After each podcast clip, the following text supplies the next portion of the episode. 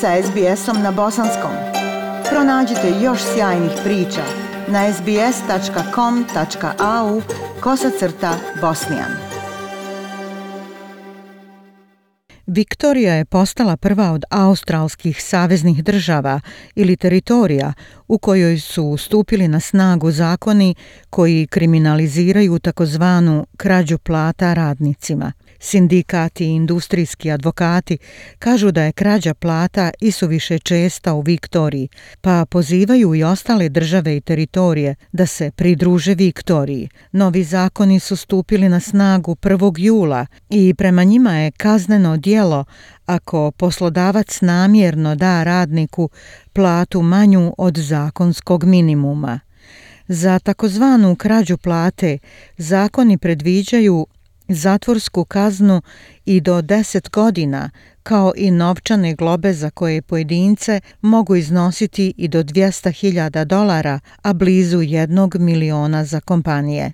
Luke Hilakari, sekretar sindikata Victorian Trades Hall, kaže da pozdravlja ovu promjenu i nada se da će i druge države i teritorije slijediti Viktoriju u provedbi novih zakona. Look, I think this might be another Australian first. Um, and Australia um, has a great history, specifically Victoria, in leading the way in working reforms. We were the first place in the world to come up with the. Mislim da ovo može biti um, još jedan primjer u kojem je Australija prva, u kojem prednjači u svijetu.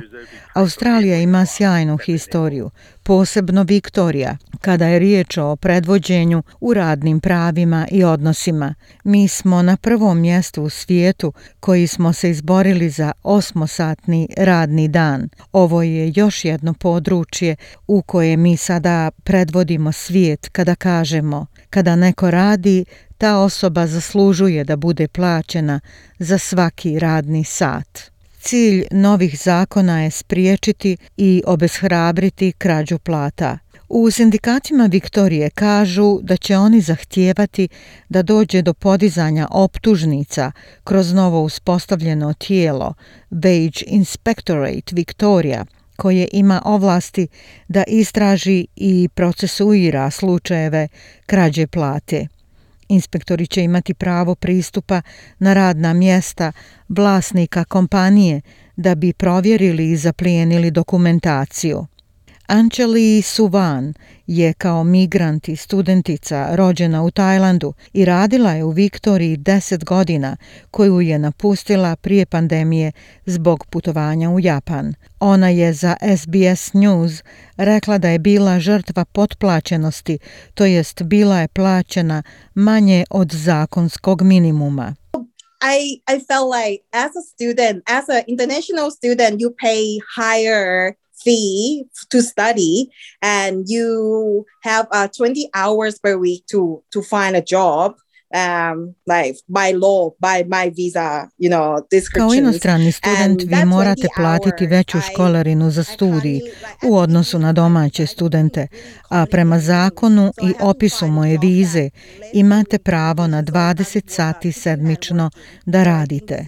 Kada sam došla, u početku nisam mogla dobro komunicirati na engleskom jeziku, tako da sam bila prisiljena naći posao za koji mi nije bilo potrebno poznavanje jezika.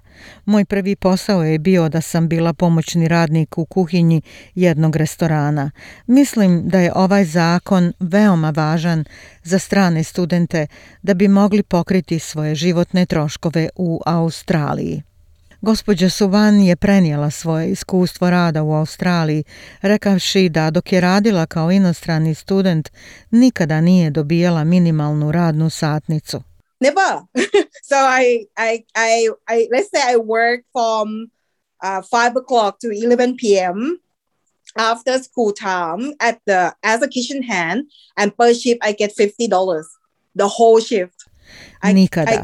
Radila sam od pet poslje podne nakon uh, fakulteta pa do 11 uveče kao pomoćni radnik u kuhinji i za cijelu tu smjenu dobila bih 50 dolara. Tamo sam mogla večerati i ponijeti jednu porciju pržene riže kući. Dakle, dva obroka i 50 dolara. Tako je to bilo četiri dana sedmično da sam zarađivala 200 dolara i pokrivala troškove stanarine. I to je to. Nisam znala s kim da razgovaram i kome da se žalim. Čini se da i drugi strani studenti imaju iste probleme. A evo šta je prethodilo usvajanju ovih novih zakona. U martu 2020. godine laboristička vlada Viktorije predstavila je prijedlog novog zakona, zakon o krađi plate 2020. čiji je cilj bio da se ukaže na probleme uobičajene potplaćenosti koja je pogađala zaposlene. Prijedlog zakona je prošao 16. juna 2020. godine da bi stupio na snagu 1. jula 2021. Zakon predviđa kriminalne sankcije za poslodavce koji nečasno zakidaju u potpunosti ili dijelimično prava radnika, falsifikuju prava uposlenika u cilju održavanja financijske dobiti za poslodavca ili drugu osobu ili prikrivaju ranije stečenu financijsku dobit ili propuštaju da održe prava uposlenika u cilju postizanja financijske dobiti poslodavca ili druge osobe ili da bi prikrili ranije stečenu dobit. Pravo uposlenika u osnovi znači bilo koji iznos dobiti ili beneficije koju poslodavac duguje uposleniku, a to su plata, doplatak, bolovanje, obrok ili superannuation u skladu sa relevantnim zakonima, ugovorima ili sporazumima. Gospodin Hilakari kaže da je krađa plate u Viktoriji uobičajena pojava i da se protiv toga preduzima više koraka. Wage theft is happening up and down every main street in Victoria. Um, every second cafe you pass, a worker is losing money. It could be wages directly, it could be superannuation. Um, Krađa plate se dešava u svakoj glavnoj ulici u Viktoriji. Svaki drugi kafić pored kojeg um, prođete ima nekog radnika unutra koji upravo gubi novac. To može biti direktno od plate ili penzionog fonda. Ovo će značiti prekretnicu za stotine i hiljade građana Viktorije.